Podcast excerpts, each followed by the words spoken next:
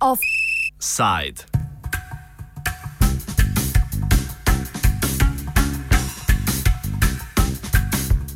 Trostarševski otroci.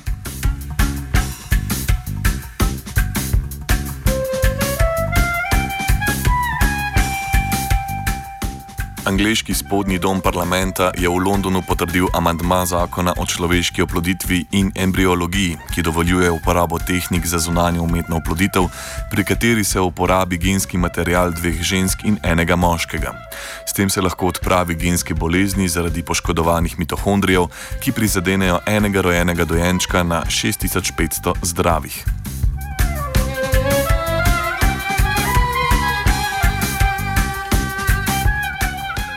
Velika Britanija je zaorala ledino. Zakon so potrdili progresivni politiki, ki ga zagovarjajo predvsem zato, da nekaterim staršem omogočijo, da bodo imeli zdrave otroke. Kdo predstavlja nasprotni tabor, ni potrebno posebej poudarjati. Škofovska konferenca postopkom nasprotuje, saj jo predvsem skrbi za jajčice ženske donatorke, čigar genski material se zavrže. Škofovska konferenca dodaja, da molijo za odkritje zdravila, ki bi mitohondrijske bolezni odpravilo. Naprednejši del konzervativne sfere postopkov nasprotuje, čež da so posledice sprejetja takih zakonov popolna uganka. Lahko bi pripeljali do trga tako imenovanih dizajnerskih otrok. Starši bodo pri svojih otrocih izbirali barvo oči in las, inteligenčni kvocijent in fizične sposobnosti in tako dalje.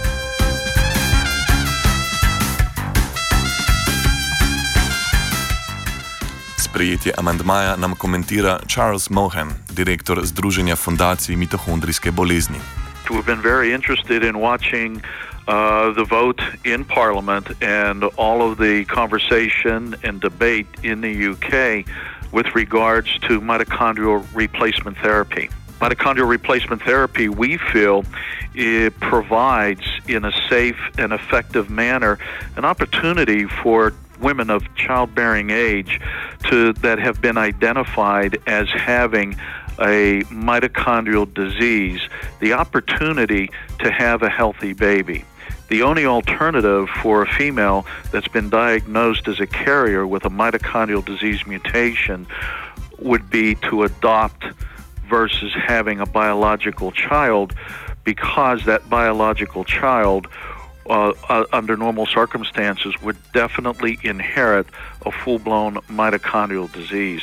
And at this point in time, there are absolutely no cures for mitochondrial diseases. Zakonodaja Združenega kraljestva je do sedaj uporabo tehnik zamenjave mitohondrijev prepovedovala. Kako je z njihovo uporabo v Združenih državah Amerike, nadaljuje Mohen. The global community, the international and European community, have been watching uh, the development in the UK. The UK currently has a law executed by Parliament against such a procedure of genetic uh, manipulation, and therefore it had to be a judicial action to change that law to allow this to take place. In the United States, for example, we need FDA approval, Food and Drug Administration approval.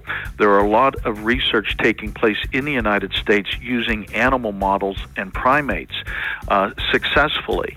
So I think what the world is looking at is now the next steps that UK will take in this evolution. At what point in time will these babies that are born with this pronuclear transfer uh, will be under a microscope, so to speak, and they will be watched very closely to see what, if any, effects are the result of this particular procedure. But to date, the procedure has been scientifically proven to be effective and to be safe. Mitohondriji so celični organeli, ki skrbijo za celično dihanje, to pomeni, da pretvarjajo hrano v energijo. Njihova posebnost je v tem, da se prenašajo samo po materah in vsebujejo svoj oziroma samo materin DNK. Če je genski zapis o mitohondrijih poškodovan, ga otroci dedujejo.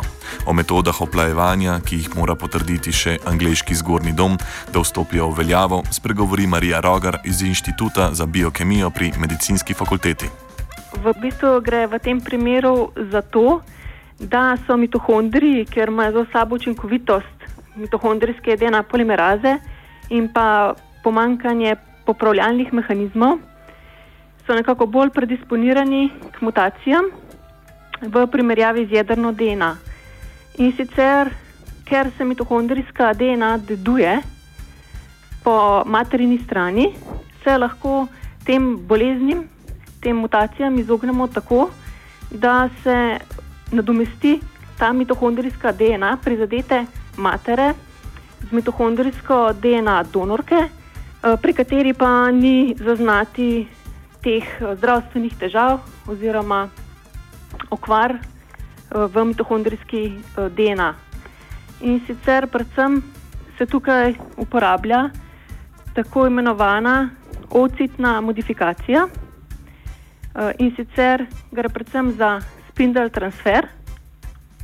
V tem primeru gre za izolacijo kromosomov iz materine ocite eh, in potem se te kromosome predstavi lahko v citoplazme donorke, ki pa seveda eh, tudi vsebuje mitohondrije, mitohondrijsko DNA, vse organele, RNA proteine, ter se potem to ocito potem oplodi z očetovo spermo, ter se seveda izvede uh, oploditev z biomedicinsko pomočjo, kot temu pravimo, in pa uh, to oplojeno ocito se potem ustavim v uh, maternico matere, da potem donosi otroka. Tako da to je en način, lahko se pa tudi izvede metodologija tako, da se, da se tudi mitohondri, mitohondrijska. DNA prestavi v ocito matere, in pa potem, seveda, se naknadno izvede spet oploditev z biomedicinsko pomočjo, tako imenovano IVF ali in vitro fertilizacijo. Mohen vrže argumente z dizajnerskimi otroki, čež da ne gre za gensko manipulacijo in da so ti strahovi neupravičeni. Javnosti treba še malce izobraziti, pravi. There's a need for a better understanding among the lay community to, to realize that this is a scientific procedure and it is not genetic manipulation. We're not able to say that, well, you know, while we're at it, could you make me a baby with blue eyes and blonde hair? We cannot do that. And many people think that's the next step. We don't view that as the next step. We view this method as an opportunity to be able to provide a mother and a father a biological child that's healthy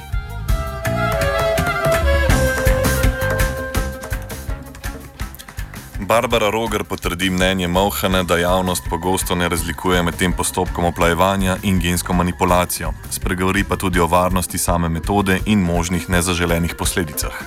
Vedno, ko se manipulira z genetskim materialom, se pojavljajo različni pomisleki.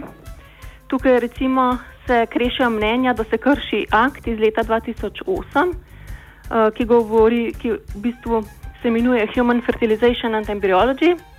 Eh, in sicer, seveda, uh, gre tukaj za interpretacijo nekaterih, da gre za dedni material treh ljudi, čeprav, kot vemo, tukaj v bistvu je od tretje osebe samo mitohondrijska DNA, eh, pri kateri pa seveda, katera pa seveda ne vpliva na fenotipske lastnosti, tako da otrok pravzaprav podeduje lastnosti samo od matere in pa od očeta, ne pa tudi od darovalke mitohondrijske DNA, ki predstavlja zelo nizek procent DNA-ja v celici.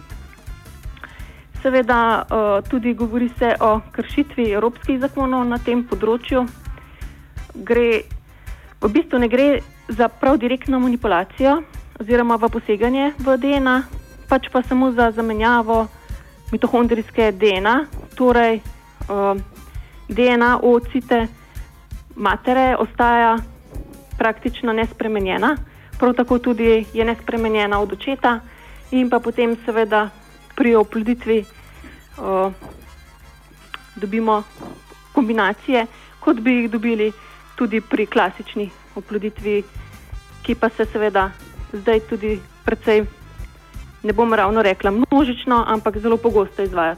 Prav govorimo o oploditvi z biomedicinsko pomočjo. Seveda, kot pri vsaki novi metodologiji, se vedno porajajo vprašanja, kako varna ta metodologija je.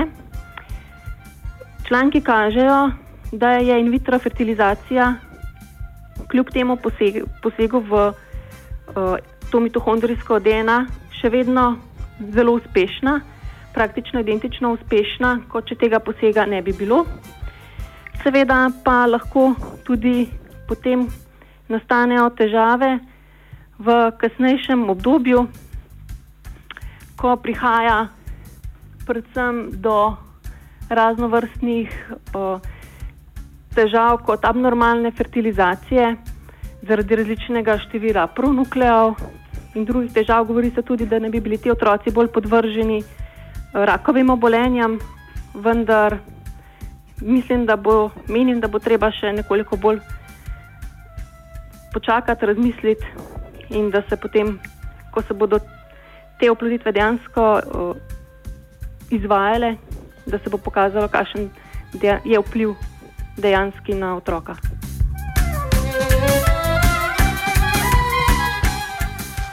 Offside sta pripravila Lijo in Jankovič.